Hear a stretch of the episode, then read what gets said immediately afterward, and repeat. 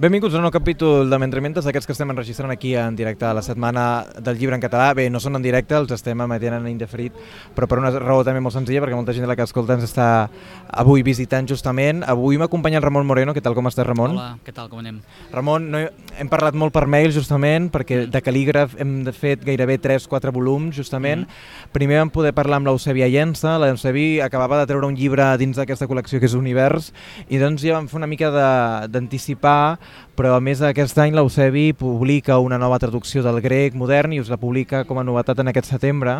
Just. No sé si com, podríem començar per les novetats que presenteu a Edicions Cal·lígraf aquest setembre i després podem entrar alguns detalls en concret. Sí, aquest, eh, presentem tres novetats, que les tres, eh, curiosament, de, curiosament perquè no solem publicar-les tan seguides de poesia.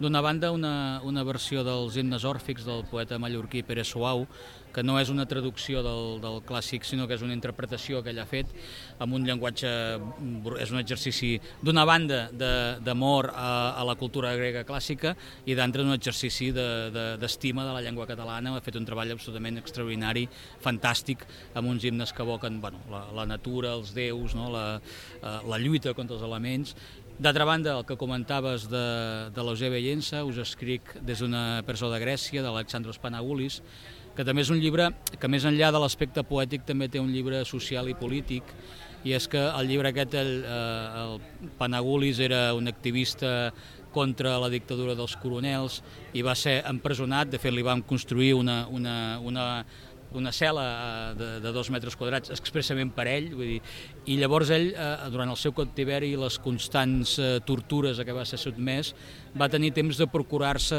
fragments de roba, fragments de paper, per, per escriure uns poemes que reflectien el seu estat d'ànim, la, seva, la seva lluita, eh, alguns dels quals ell va escriure amb la seva pròpia sang, fent la seva vida tinta, i que va poder salvar, molts altres no es van salvar, els va reconstruir després, i l'Eusebio Llans ha fet una traducció juntament amb alguns poemes que havia deixat l'Antoni Piqué eh, abans de morir, que eh, va fer una traducció absolutament extraordinària d'un llibre que es troba en totes les llengües, eh, principals llengües del món i que no hi era en català com a tal volum, algun poema, eh, algun poema dispers sí que s'havia publicat, però no com a tal volum. I el tercer llibre que publiquem és mm, pràcticament o inèdit en llibre, perquè s'havia publicat com en format de llibre d'artista, que és, és Trànsit, prosopopeia de la infància, de Pau Riba, són sis poemes de Pau Riba il·lustrats per la Mercè Riba, gravats i dibuixos de la Mercè Riba, que és eh, la, la seva germana, il·lustradora i gravadora. Ara hem parlat d'aquestes novetats que presenteu. Vosaltres, però, esteu una mica lluny de Barcelona. No sé si també ens podeu donar quatre detalls, perquè ara em deies també fora de micròfon, que era aquest setembre que feu... Aquest setembre fem 10 anys, 10 anys. i estem a l'extraradi de Barcelona amb tot el que això comporta de, bueno, de, de manca de centralitat, alguns mitjans de comunicació que pràcticament no presten atenció al que es pugui fer fora de les comarques barcelonines o fora de la capital, més que de les comarques.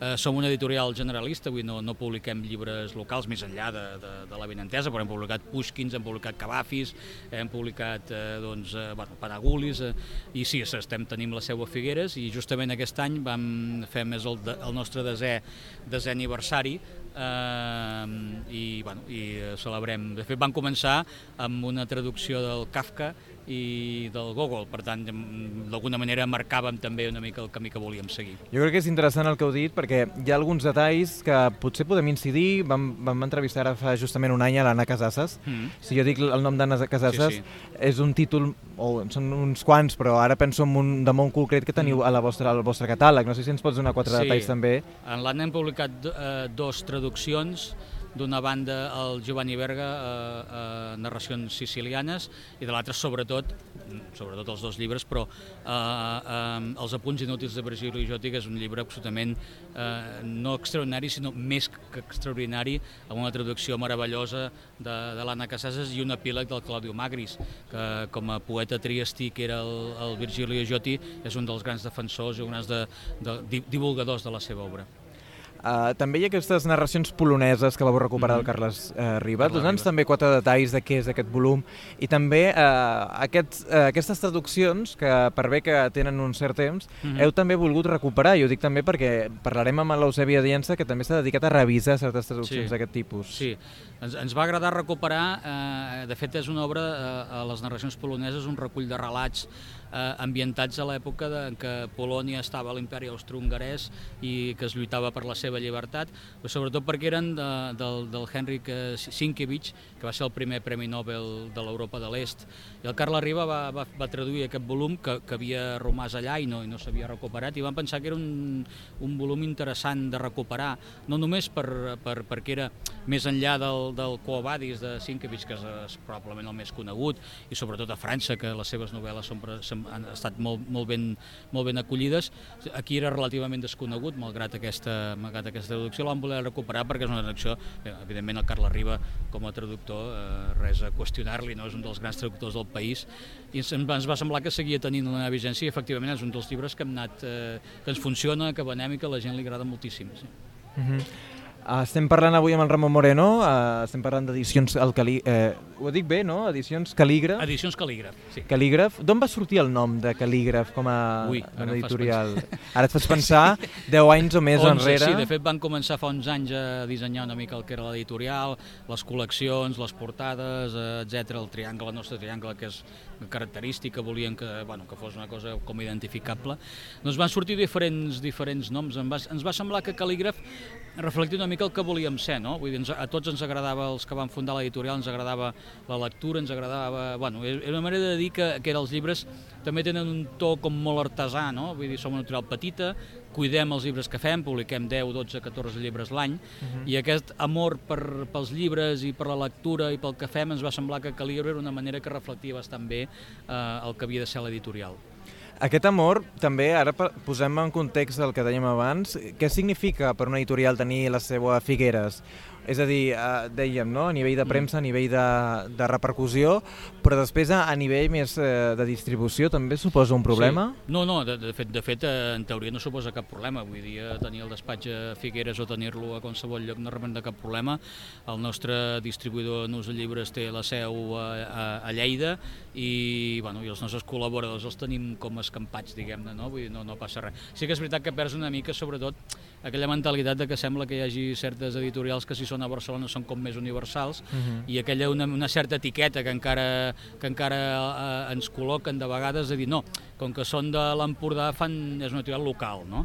Bueno, ens sembla que evidentment podem fer llibres universals, que és el que volem, no, no per res, sinó perquè hi ha altres editorials que fan llibres més locals o més territorials, ho fan perfectament, uh -huh. no, mhm. no? però es pot semblar que, que, bueno, que qualsevol editorial, sigui a Figueres o sigui al Passeig de Gràcia, pot fer llibres universals, per descomptat. Aquests llibres universals eh, els hi continuaran dues publicacions que ja vau anunciar que seran les següents novetats. Una justament és una Virginia Woolf, ara que estem escoltant sí. de fons aquesta tertúlia entre traductors a Virginia Woolf. Dóna'ns detalls també de, de la traducció d'aquesta habitació de, de Jacob, ara que s'han alliberat la, els drets. No sé també ens podeu donar detalls sí, de, de la motivació. D'aquest llibre, precisament aquest any farà 100 anys de la seva publicació original i la Mireia Bé del Conte n'ha fet una traducció que estem ultimant i que ha de sortir eh, el novembre, novembre, novembre entre novembre i desembre, uh -huh. i ha de sortir en, en aquest moment. Sobretot ens va fer gràcia recuperar No Wolf, que, que és una, una autora referencial, i recuperar-la també aquesta obra, eh, que és un, que en el centenari de la seva publicació original, ens va semblar que era interessant. Dóna'ns també més detalls. Ara hem començat parlant de novetats, hem parlat de, de, de les novetats que hi haurà més endavant. Com estan anant aquests dies també per edicions Calígraf? I d'alguna manera, ara hem parlat de catàleg, eh, ja porteu 10 anys, són 10 mm. anys com moltes altres editorials que també celebren sí. guany, per tant d'alguna manera també ja comencem... Bueno, és la tendència aquesta que dèiem no? en el seu moment i ara n'hi ha unes quantes que també han nascut juntes uh -huh. i mm-hmm. d'alguna manera també recullen el bo i el millor, o en aquest cas, déu nhi a les herències d'una crisi que va ser la 2008. No sé fins a quin punt també això sí. és un fet. Nosaltres vam néixer eh, després de la crisi i amb les conseqüències de la crisi, amb tot el que això significa, que per tant sabíem perfectament eh, on, a què havíem d'adaptar l'editorial i això ho hem fet. Eh, volem publicar llibres, hem publicat un centenar, un centenar de títols, eh, volem publicar llibres tranquil·lament, de fugir del concepte aquest de novetat.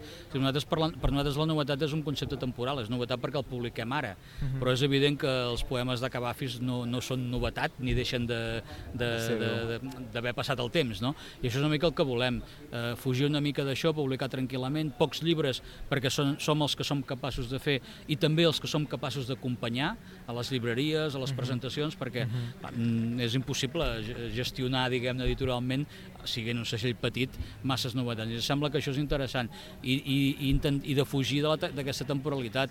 Nosaltres, eh, un llibre que hem publicat fa 3 anys o 4 o 5 o 10, doncs el seguim portant a les fires i el seguim venent, que és el que volem. Ramon, moltíssimes gràcies avui per atendre'ns, encara que siguin aquests 1 minuts a, a Mentri Mentres, per donar quatre detalls del que són edicions Calígraf. Us seguim de ben a prop, ho sabeu perquè hem anat fent coses amb vosaltres sí, i, i encara en tenim ganes de seguir fent-ne, per tant estem en contacte. Perfecte, gràcies, Moltes sobretot gràcies. per la feina que feu també.